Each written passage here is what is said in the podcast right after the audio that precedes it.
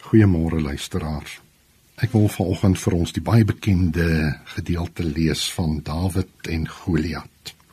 En ek wil lees uit 1 Samuel 17 vanaf vers 45.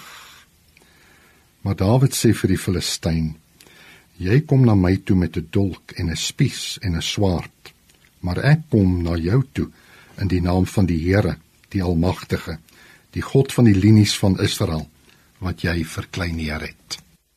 Vandag sal die Here jou in my mag oorgee sodat ek jou kan verslaan.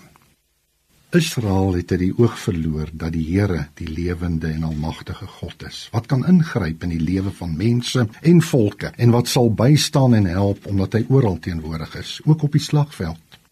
Toe die Filistyne hulle krygsmag opgeroep het en teen die Israeliete stelling ingeneem het, het Israel bang geword toe hulle hoor hoe die Filistyn die reus Goliat hulle uitdaag vir die stryd. Hulle het hulle vasgekyk teen sy grootheid, sy wapens en sy wapenrusting.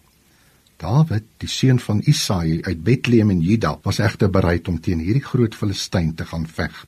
Dawid was nog jonk en die Filistyne ervare vegter met wapens wat baie kragtig en indrukwekkend gelyk het.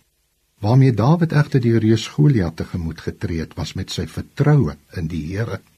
Hy het vir die Filistyn gesê: "Jy kom na my toe met 'n dolk en 'n spies en 'n swaard."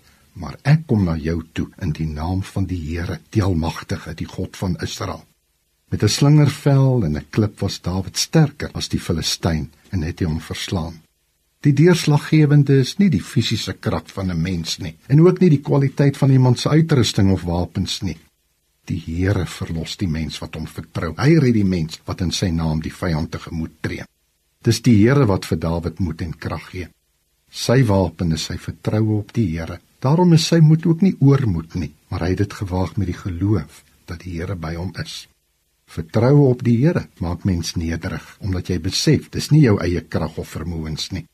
En daarom kan so 'n mens ook altyd met vrede in sy hart met mense saamlewe wat vroeër ook sy vyande was. So het Jesus Christus ons dit geleer. Troue God, vandag in ons tyd weet ons, U is daar U is die lewende en almagtige God. Ons vertrou op U, Here, en dan doen ons wat U ons gebied en opdra om te gaan doen, want ons weet U red en verlos. Amen.